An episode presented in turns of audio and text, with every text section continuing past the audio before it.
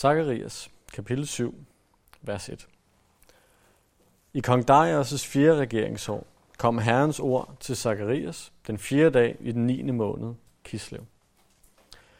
Zakarias' bog startede i Darius' andet regeringsår i den 8. måned, hvilket var mellem at profeten Haggai, han fik øh, sine forskellige øh, ord og syn fra Gud, Øhm, og Zacharias fik så efterfølgende øh, de otte syn, som vi så på i kapitel 1-6, i den 11. måned, så kort efter at Haggai's tjeneste var forbi.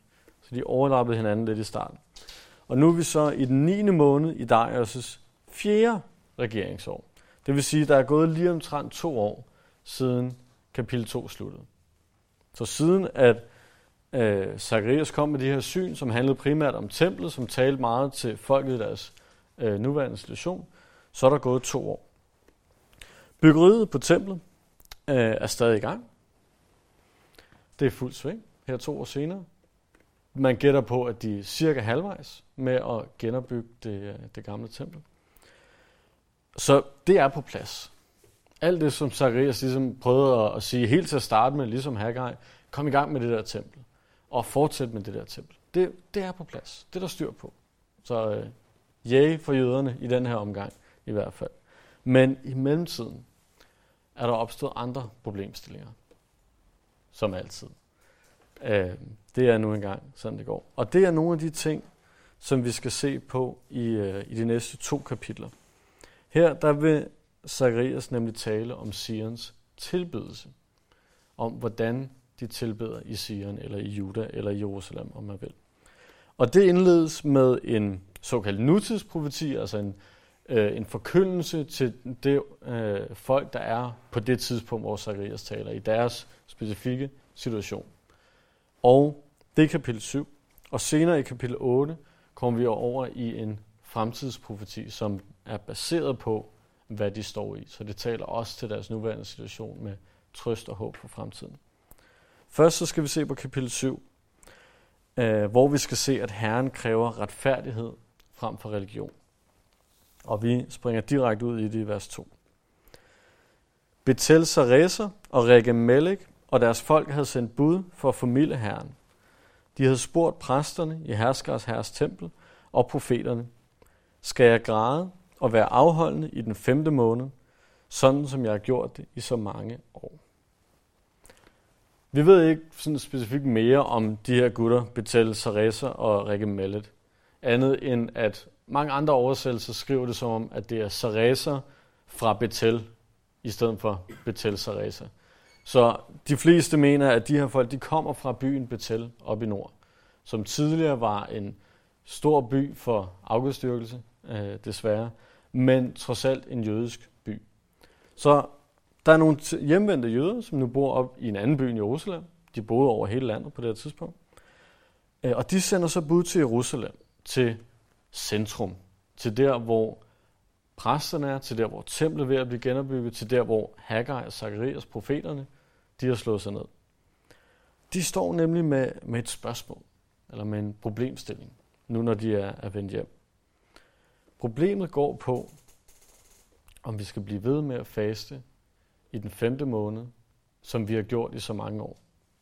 I kapitel 8, som vi skal se på næste gang, vers 19, der læser vi ud over den her ene fase i den femte måned, også om en fase i den fjerde måned, den syvende måned og den tiende måned. Og lige om lidt her i vers 5 bliver der også talt om en faste i den syvende måned, som selvfølgelig er den samme, som er nævnt i 8.19. Så der, der er fire forskellige faster på det her tidspunkt. Og jeg, jeg tror, de alle sammen hører ind under øh, det her spørgsmål. Så, så hvad er de for nogen? Hvor, og hvorfor er der spørgsmålstegn ved, om de skal overholdes? Det er jo, det er jo en faste. For at, at finde ud af det, skal vi spole tilbage. Og det er noget historie, jeg har hørt mig fortælle rigtig mange gange. Øh, men den her del har jeg ikke fortalt før. Fordi hvis vi spoler helt tilbage til før fangenskabet, til dengang fangenskabet startede, i 587 før Kristus, i den 10. måned i det år, der kommer Nebuchadnezzar, måske ikke Nebuchadnezzar selv, men hans hær kommer og belejrer Jerusalem. Det er den 10. måned, 587. Året efter, 586, der er maden sluppet op i den 4. måned, og derfor falder byen. Der bliver den indtaget. Så den bliver belejret i den 10. måned, så bliver den indtaget i den 4. måned.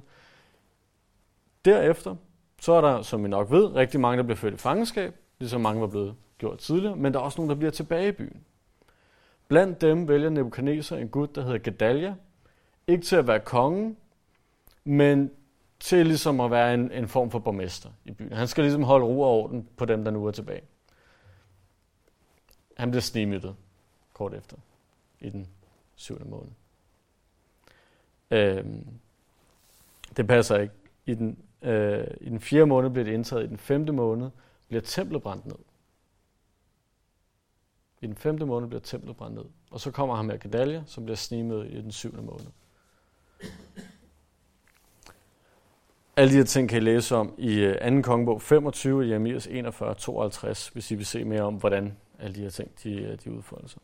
Så de her fire faster, det er ikke noget specifikt, vi, vi ser i, i Mosebøgerne eller, eller i andre steder, at Gud siger, I skal overholde de her faster. Der er kun én faste, som Gud han siger, jøderne skal overholde. Det er på forsoningsdagen. En dag om året. Men de her fire, de blev indført for, at jøderne kunne mindes de her tragiske begivenheder, som startede fangenskabet i Babylon, hvor, hvor Jerusalem blev indtaget og templet blev brændt ned. Og de er blevet mindet i 70 år. I disse mange år, siger han, at de har gjort det. I 70 år har jøderne husket på den dato i den fjerde måned, der skete det her forfærdelige. På den dato i den 10. måned, der skete det her forfærdelige. Og så er de fastet for at sige, wow, det var godt nok puha. Det er derfor, vi er i Babylon. Det svarer lidt til, at vi i dag i dagens Danmark også markerer besættelsen og befrielsen af Danmark. Det er også cirka 70 år siden. Og til trods for, at ingen af os herinde var født dengang overhovedet. En ting er, at vi ikke har som sådan oplevet det. Ingen af os var født dengang. Mine forældre var født dengang.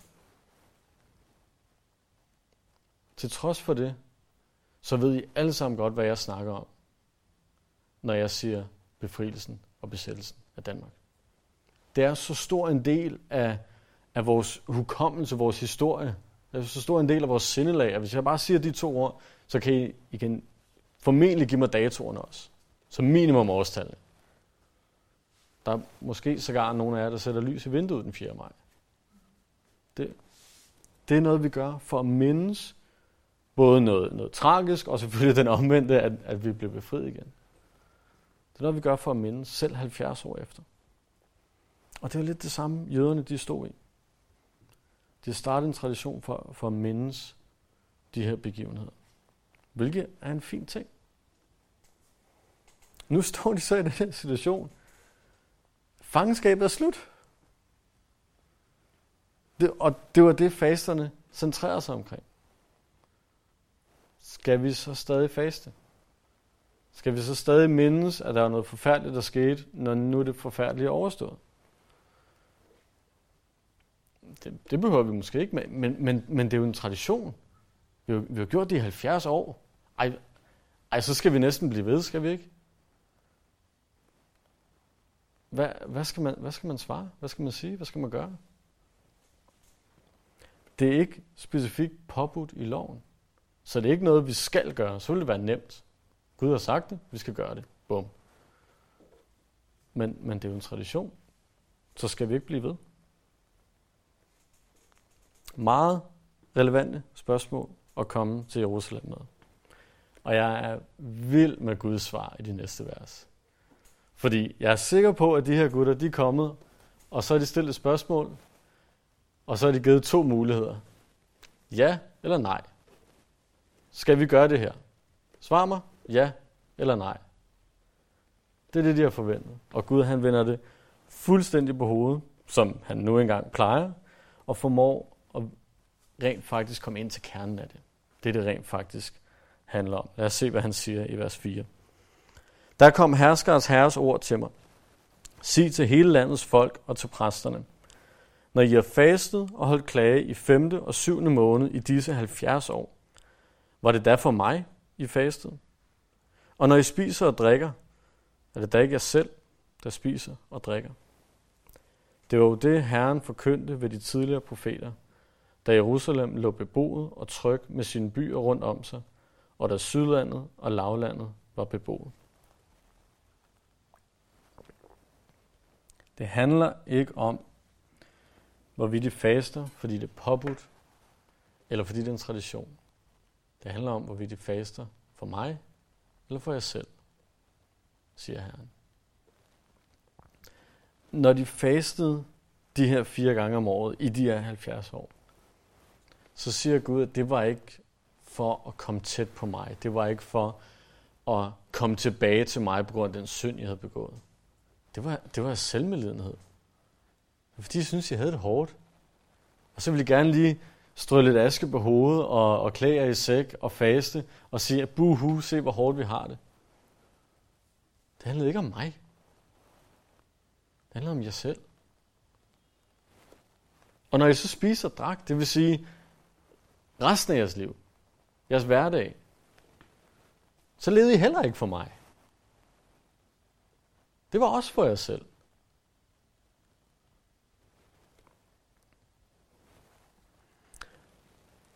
Og det var akkurat det, Gud han forkyndte til de tidligere profeter, som man siger det i vers 7. For dem sagde han også til, I lever ikke for mig. I lever for jer selv. Det var dengang landet blomstrede. Der står, da Jerusalem lå beboet og trygt med sine byer rundt om sig, og da Sydlandet og Lavlandet var beboet. Dengang før fangenskabet, der prøvede jeg også at nå ind til jer, for der levede I heller ikke for mig.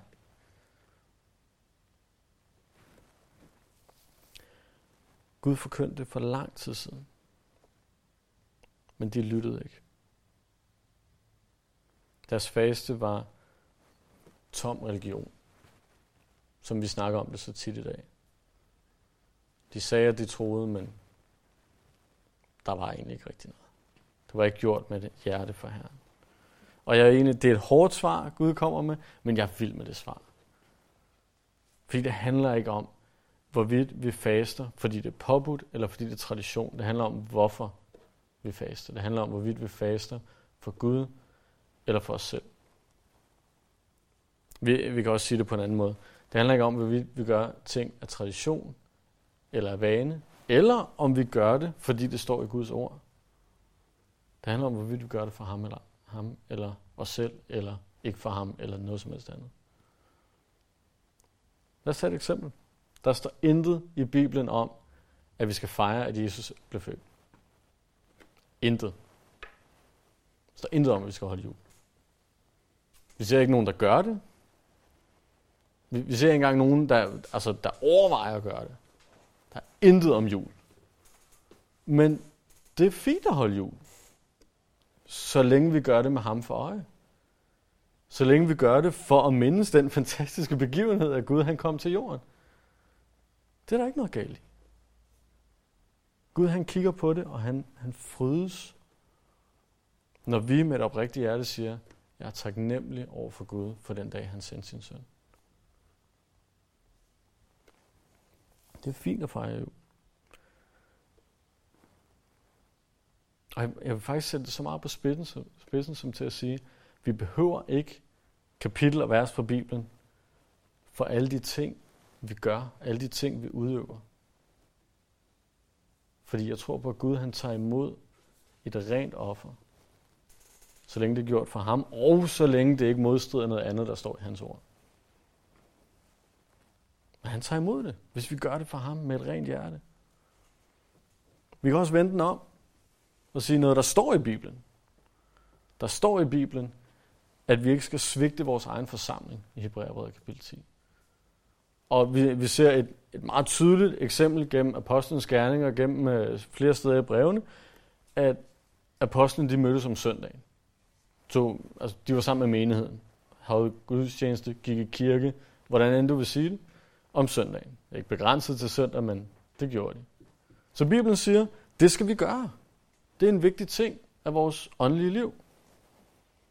Men hvis vi bare møder op for at vi lige kan pusse vores jord, sætte kryds og sige, vi var der også den dag, og ikke er der for Guds skyld. Det er fuldstændig irrelevant.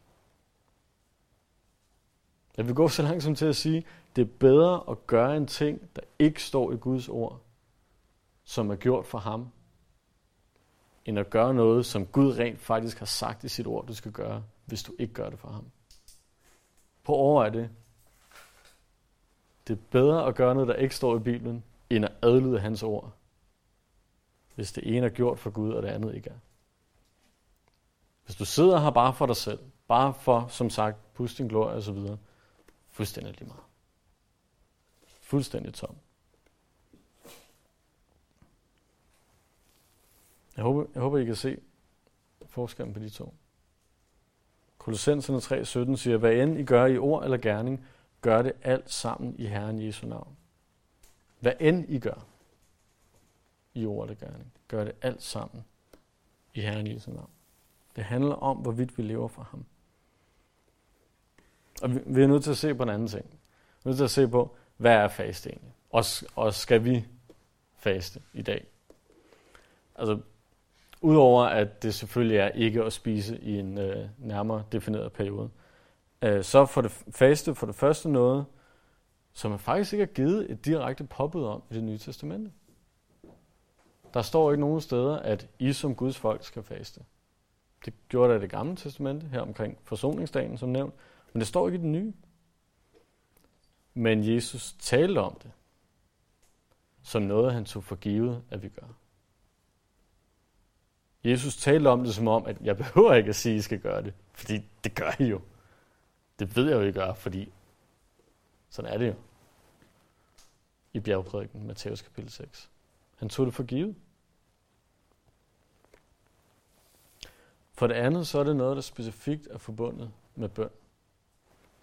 Ikke nødvendigvis altid, men lad os sige 9 ud af 10 gange. Faste er forbundet med bøn god gamle Andrew Murray, han sagde, at, og ikke tennisspilleren, men ham, der skrev gode bøger øh, i Jesu navn, han sagde, at bøn er den ene hånd, hvormed vi griber det usynlige. Faste er den anden hånd, hvormed vi giver slip og kaster det synlige bort. Så hvis vi gerne vil nå det åndelige, det usynlige, så er bøn den hånd, der rækker ud i det, ud efter det. Faste er den hånd, der giver slip på verden, giver slip på det synlige, giver slip på det materielle og hjælper os til at tage skridtet videre. Det er også noget Gud, apropos hvad der står her, både i det nye og det gamle testamente understreger, det skal gøres for ham. Det skal være ham, der er i centrum. Det skal i øvrigt ikke reklameres med, eller flages med. Det skal ikke gøre noget stort show ud af det overfor omverdenen. Det er ikke fordi, at din faste pludselig ikke fungerer, fordi, ej hov, der var en, der fandt ud af, at jeg fastede, eller fordi du er nødt til at sige til dine kollegaer, hvorfor i verden du ikke spiser i dag. Eller, altså, Gud, han, han ser dit hjerte, han, han, han ser din faste, uanset hvem der ved det. Men vi skal bare ikke gøre det for at blive set, for at blive betragtet og se, hvor hellig han er. Gud, han ser hjertet bag det. Et andet spørgsmål, hvordan fungerer faste? Og det, det er det fedeste spørgsmål, fordi jeg har det med faste, som jeg har det med bøn. Jeg aner ikke, hvordan det fungerer. Det, det gør jeg virkelig ikke. Jeg, jeg, jeg forstår ikke, hvordan det fungerer, at, at jeg kan sige noget til Gud, som jo tilfældigvis er almægtig og skaber og sådan nogle ting. Jeg kan sige noget til ham, og så, så gør han det, fordi jeg har sagt det. Og nogle gange så er der ting, som Gud specifikt ikke gør, fordi vi ikke har bedt som han ellers ville have gjort. Det, det er Gud, vi taler om. Hvordan fungerer det? Jeg ved det ikke. Men jeg ved, at det fungerer. Fordi det har Gud sagt. Jeg ved, at det fungerer, for ellers ville Gud ikke sige, at jeg skulle gøre det. Så det, det er en ting, jeg er nødt til i tro bare at sige, det er sådan, det er. Og derfor beder jeg. Og jeg har det lidt på samme måde med, med faste. Jeg ved ikke præcis, hvordan det fungerer, at faste gør min bøn stærkere. Men Gud siger, at, at sådan er det. Så derfor tror jeg på det. Det, det er en ordning, Gud har oprettet. Og jeg har så alligevel prøvet at forstå det. Fordi det er samtidig også vigtigt at huske, at, at faste er ikke noget, der gør os fortjent til en belønning. Det er ikke fordi, at, at Gud han ser vores flotte, faste gerning, og så siger han, den skal belønnes. Hvis det var det, så er vi ikke længere i noget. Og det er et rigtig dårligt sted at være. Det, det handler ikke om, at, at Gud kigger ned og belønner vores store gerning. Men en, en bibelkommentator beskriver det således, at, at det vi reelt set gør i bøn, det er, at vi siger til Gud, jeg kan ikke selv. Jeg kan ikke selv færdiggøre min HD. Jeg kan ikke selv få det her job. Jeg har ikke selv kunnet komme igennem min eksamen, eller hvad det nu er. Men Gud, din styrke er man nok. Du kan det her. Det er det, det, er det vi gør i bøn. Vi anerkender, vi er ikke nok i os selv, men Gud, vil du ikke nok arbejde i mig, igennem mig og gøre et værk. Og det er der, Gud arbejder. Når vi erkender vores egen svaghed og hans styrke. Det er der, han træder ind i bøn. Det understreger han tusind steder i sit ord. Og det, som den her bibelkommentator så beskriver, vi gør i faste, det er blot at forstærke det her. Ved at sige, jeg er tom, måske skal helt fysisk, fordi vi ikke har spist noget, men jeg er tom, jeg er svag, jeg er, jeg er sulten. Men du, Gud, er al fuldhed. Du er al styrke. Du er al tilfredsstillelse. Du er det hele, som jeg har brug for. Og når Gud han ser, at vi anerkender vores egen svaghed, at vi anerkender vores behov for ham, så træder han til og giver sin gave. Giver sin noget. Det er det, der ligger i, i, i hele frelsen, i omvendelse. At vi siger til Gud, jeg kan ikke frelse mig selv, men du kan. Jesus han siger, at han kommer ikke for at, øh, at helbrede ham, der allerede er rask. Han kommer for at helbrede det syge. Det vil sige dem, som anerkender, at de er syge. Fordi vi er alle sammen syge af synd. Men han helbreder kun dem, der anerkender det. Han frelser kun dem, der siger til ham, frels mig. Så faste er en måde, at vi siger til Gud, jeg vil have mere af dig. Jeg er ikke stærk nok i mig selv. Fordi intet andet, selv ikke mad, kan tilfredsstille mig, ud over dig. Jeg har også hørt fast forklaret på en anden måde. Øhm, og nu, nu kommer jeg måske i clinch med, med nogle øh, medicinkyndige eller noget andet, men vores sanser, vores fem sanser, de, de almindelige fem sanser, de kan henholdsvis skærpes og svækkes, alt efter hvad der foregår med de andre sanser. Hvis, hvis jeg bliver blind, eller hvis jeg lukker øjnene, så med tiden så vil min hørelse og min følesans de vil blive styrket, fordi den ene sans er sat ud af magt, er sat ud af spil. Så vil de andre sanser blive skærpet. Og jeg ved godt, det, ikke, det fungerer ikke helt, fordi hvis jeg holder mig for næsen og prøver at smage noget mad, så smager jeg dårligere. Så det fungerer ikke med dem alle sammen. Men tag den med, med hørelsen og med, med synet. Hvis den ene bliver svækket, så bliver den anden styrket. Og hvis du forestiller vores åndelige liv som en kamp mellem kødet og ånd, så er det vores to sanser. Og hvis du svækker kødet, hvis du siger, at du får ikke noget mad i dag, du får ikke noget styrke i dag, hvis du ignorerer det og siger, du er nederste prioritet, så vil du automatisk styrke din ånd. Så vil du automatisk have lettere ved at kommunikere med Gud. Og det er sådan faste fungerer. Har jeg i hvert fald hørt det forklaret. Jeg synes, det er et fint billede. Fordi det betyder igen som tidligere, at vi sætter os selv bagved og siger, at jeg vil hellere fokusere på Gud. Og så vil du måske sige, at der er intet som helst, der bliver styrket af, at jeg har ondt i maven og sult. Der er intet, snart tværtimod, jeg bliver bare forstyrret af, hvor meget den rumler, fordi jeg har ikke spist i to timer, og det her, det går bare ikke. det, det kan godt være, at du bliver forstyrret. Men har du prøvet? Hvor tit har du prøvet? Er du i den kategori, hvor at Jesus kan sige, jeg går ud fra, at mit folk faster? Jeg er ikke bare, altså ikke for at stå og sige, at, at jeg er hellig. Jeg, jeg faster ikke så ofte, som jeg tror, at Jesus han hensyder til. Og det kan også godt være, at, at du har prøvet, men, men, men en hel dag var simpelthen for voldsomt ikke at spise. Du var på arbejde, og det var varmt, og det var sindssygt, det havde været sommer og alt muligt.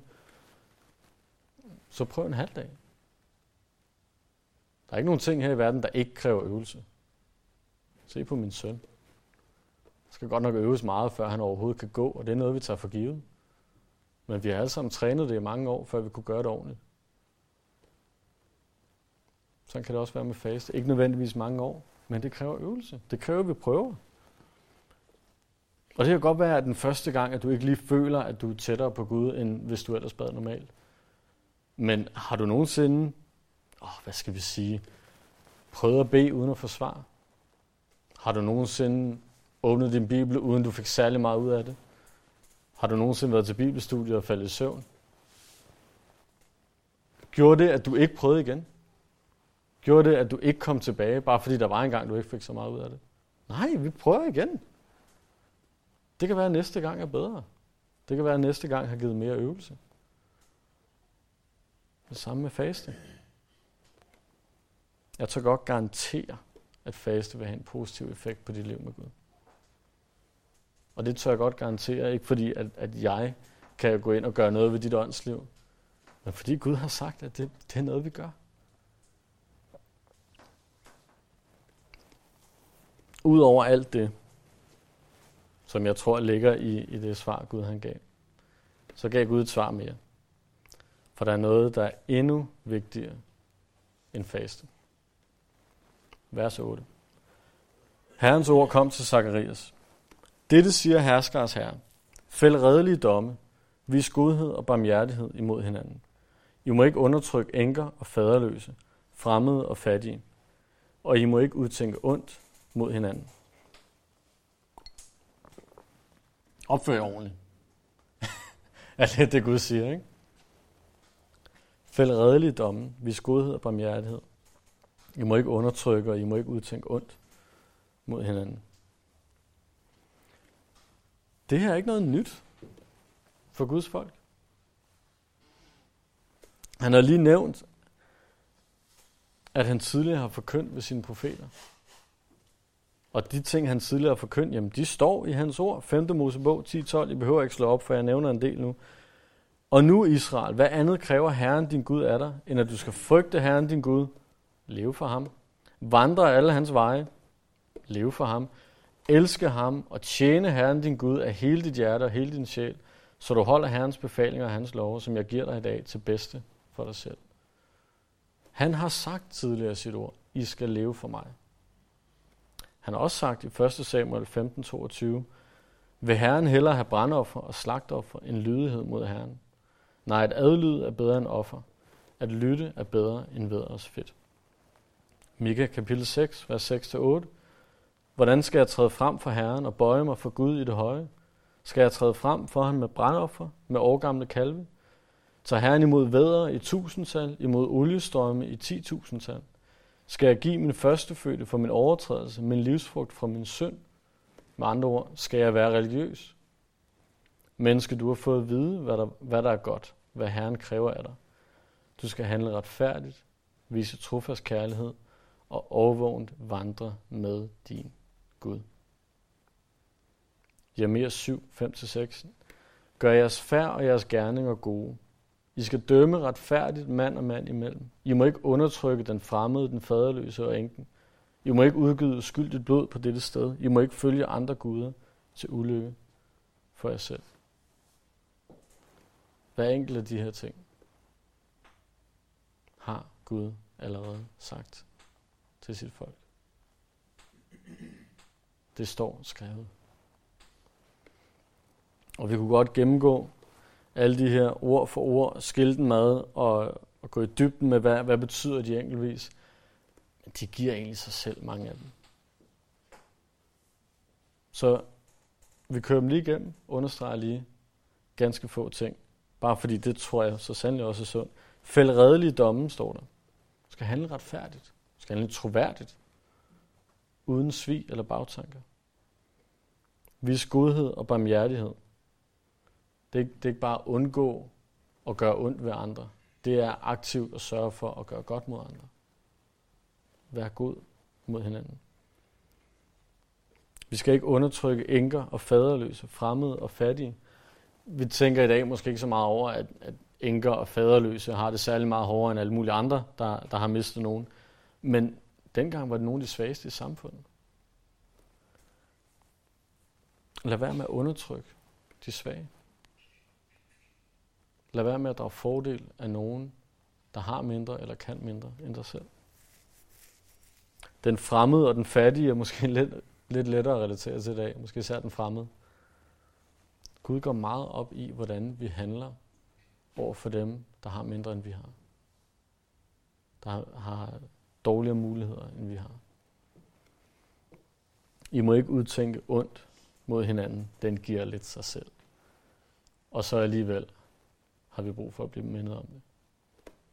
I må ikke udtænke ondt mod hinanden. Når alle de her ting, siger Gud, I kommer til mig og spørger om faste. Og I forventede måske et ja eller et nej til jeres spørgsmål. Men jeg har et helt andet svar til jer. Alle de her ting, de er vigtigere end faste. Glem alt det der. Det her er måden, I skal leve på. Det er fuldstændig irrelevant at sidde inde i sit bedekammer og være hellig for Gud, hvis du ikke lever for ham ude i dit almindelige liv. Det er fuldstændig lige meget at faste 4-5 dage om året, hvis du lever uheldigt 360 dage om året. Det er det Gud han prøver at sige. Glem det der. Lev for mig. Vi var forrige søndag i øh, Filemon, hvor vi blandt andet hoppede til øh, bjergprædiken, hvor Jesus siger, at hvis vi har en uoverensstemmelse med vores broder, og jeg tillader mig at indskyde min søster, så vil Gud hellere have, at vi udskyder vores tilbedelse af ham, at vi efterlader vores gave ved alderen, og går hen og bliver forsonet med vores broder eller søster. Han synes, det er vigtigere, at vi bliver forsonet, at vi lever den tilgivelse, som han har givet os, end at vi står her i dag med løftet hænder og synger til ham. Fordi hvis du bare står her og synger, men har hadet dit hjerte mod din bror, så kan det være lige meget, hvor meget du synger. Det er det, Gud han prøver at sige.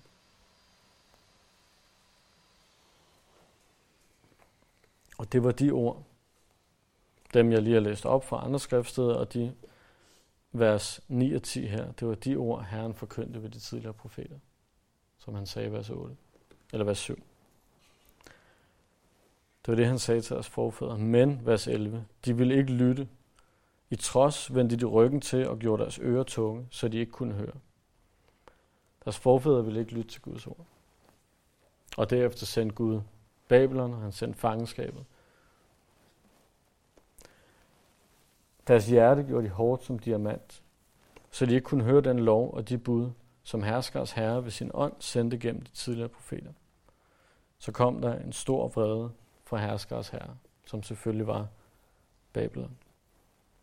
Prøv at lægge mærke til den gradvise afvisning af Guds ord i det her. Først så ville de ikke lytte. Det kan være noget midlertidigt. Det, det kan være en enkelt ting. De, de, de hørte godt, hvad der blev sagt, men de har ikke lyst til at lytte efter. Altså det, det sker for enhver ægte mand. Eller det sker for enhver, at, at man kan have lyst til ikke lige at, at lytte efter, hvad der bliver sagt. Øh, men derefter, så vender de ryggen til. Så nu er de ikke engang vendt mod Herren. Nu, nu er de fast besluttet på ikke at skulle lytte efter. Og hvad gjorde de så? Så gjorde de deres ører tunge. Så selv hvis Herren stod og råbte dem ind i ryggen, så havde de sørget for, at de kunne ikke høre. De kunne ikke engang høre, hvad der blev sagt.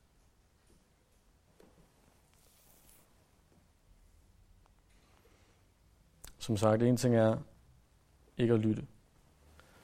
Men hvis man slet ikke hører, hvis man slet ikke vil høre, hvis man sågar aktivt gør noget for ikke at kunne høre, hvad Gud han siger, så ved vi godt, så er den galt. Og endelig så gjorde de deres hjerte hårdt som diamant. Så selv hvis der skulle være et eller andet lille bitte smule af Guds ord, der trængte ind til deres hørekanal, så skulle de i hvert fald ikke trænge ind i hjertet på det, fordi det var stenhårdt. Faktisk diamanthårdt. For nu rent faktisk at tage det, der står. Han beskriver den her glidebane, folket var på. Det, det startede ikke med, at deres hjerter var diamanthårde over for Gud, og de bare afviste alt, hvad hans ord sagde. Det startede med, at, at de ikke lige ville lytte. Måske har de ikke lige lyst til at faste den ene dag om året. Måske vil de gerne faste, men ah, lige det der med at, at lade jorden hvile ved syvende år, det, ej, lige den, den gør vi ikke. Måske var det lige den der med at lyve, de, ej, lige akkurat den. De ni andre bud, det er fint nok, men lige den. Måske var det en, en lille bit ting, som de lukkede ørerne for over for Guds ord. Men den lille bitte ting, den lille afvisning af Guds ord, gjorde de næste gang ting, ej, den der, den, den fjerner vi også lige. Ej, nu, åh, nu taler Gud igen. Altså, kan han ikke bare lige... Det var gradvist. Mere og mere bliver afvist. Og det er noget, vi er nødt til at beskytte os mod i dag også. Fordi det kan godt være, at du sidder og tænker, at jeg bliver aldrig typen, der har et diamanthårdt hjerte over for Guds ord. Nej, det vil jøderne måske også have sagt. Men er der ting i Guds ord, som du afviser, som du siger, lige den der, den vil jeg Jeg hørte det godt, men lige den der, den lytter jeg ikke til. Det er en glidebane. Det starter i det små. Og vi kan risikere, at det bliver alt for stort. Vi må altid, og jeg, jeg ved godt, at det er hårdt, fordi der er mange svære ting i Guds ord, men vi må altid arbejde på, i det mindste at prøve at lytte. I det mindste at sige til Gud, jeg har svært ved at acceptere, at dit ord siger sådan her, men jeg vil gerne, fordi det er dit ord. Og så må man arbejde på det. I stedet for bare at afvise det. Så står det sidst i vers 13. Ligesom de ikke hørte, da jeg kaldte, skal de kalde, uden at jeg hører, sagde herskers herre. Jeg vivler dem bort blandt alle folkeslagene, som de ikke kender, og landet skal lægge øde efter dem, så ingen færdes i det. De gjorde det dejlige land til en ødemark. Det her, det står i sådan nutid, fremtid, at Gud han siger det, som om det er noget, han vil gøre i fremtiden. Alle andre oversættelser, jeg har fingrene i, der, der står det som datid. Selvfølgelig omtalende, det er folk, der bliver taget til fange i Babylon. Det her, det er, det er noget, Gud har gjort mod dem. Og det, det giver også mening i konteksten, fordi han har lige talt om, at jeg talte til folket tidligere, de vil ikke lytte, og derfor skete Babylon. Øh, så det er selvfølgelig det, det handler om. Han var fast besluttet på at opdrage dem gennem fangenskabet. De skulle ikke udryddes, men de skulle opdrages i fangenskabet. Så da fangenskabet indtraf, så er der højst sandsynligt nogle af dem, der har kaldt på Gud. Men han har nægtet at lytte, fordi de nægtede at lytte. og det er egentlig ironisk, ikke? fordi hvis de havde startet med at lytte, så var problemet aldrig opstået. Så Gud han bruger nu det her eksempel over for det nuværende folk på Zacharias' tid. Fordi de kom for at høre fra Gud. De kom for at høre, skal vi stadig faste? Skal vi stadig sørge som minde om det her fangenskab? Og Guds svar er, at det er langt vigtigere at holde fokus et andet sted. Det er langt vigtigere at leve for ham. Og det er langt vigtigere at sørge for, at grunden til, at fangenskab overhovedet skete, nemlig at de ikke lyttede, at den ikke gentager sig. Den der faste tradition, halløj. Det er fint, hvis I gør det af et rent hjerte, men det er fuldstændig irrelevant. Det, det handler om, er, at vi skal leve for Gud. Det er det, han prøver at sige til dem. Det er roden af problemet. Og jeg kan så godt lide, at han, var det to eller tre gange nævner, at det var det, jeg forkyndte ved min ånd gennem de tidligere profeter. Og for os i dag, det er lidt nemmere, fordi vi har hele hans åbenbaring. Men gå altid tilbage til, hvad Bibelen siger. Det, jeg, jeg synes, det er fedt, den måde, han gentager det på. Vi, vi har jo hans ord. De tidligere profeter havde talt. Lyt til, hvad de sagde. Så for os i dag, så er pointen i det her kapitel også tydelig. Alle vores kristne, så at sige, begivenheder og fejringer, som for eksempel jul, eller som påske, som nu engang er forskrevet i Bibelen. Alle vores kristne gerninger, alt hvad vi gør af religiøse ting, de er gode nok i sig selv, hvis de er gjort for Herren. Men de er irrelevante, hvis vi ikke lever for ham resten af tiden også. Så er vi kun ordets høre og ikke det gøre. Så har vi hørt, men vi har ikke rent faktisk lyttet efter. Så min opfordring i aften, lad os lytte til, hvad han siger. Lad os leve for ham. Lad os vise ham den hengivenhed, den taknemmelighed, den kærlighed, som faste nu engang er, som bøn nu engang er. Lad os gøre det ved at leve for ham. Både det åbne og det skjulte. Lad os bede. Far, jeg, selvom det er en skræmmende tanke, at du ser helt ind til hjertets inderste tanke, så takker jeg dig for det. Jeg takker dig, at vi ikke kan skjule noget som helst. Fordi det, det skubber os mod at leve et heldigt liv for dig. Jeg tak for den bevidsthed, at, at du ser os, at du, du ønsker at leve tæt med os. Og som du netop sagde i, i verset fra, øh, fra Mosebøgerne, at det er til vores eget bedste. Her tak, at du ønsker at beskytte os mod, øh, mod syndens løn, som er død. Tak, at du ønsker at, at velsigne os og give os af din nåde.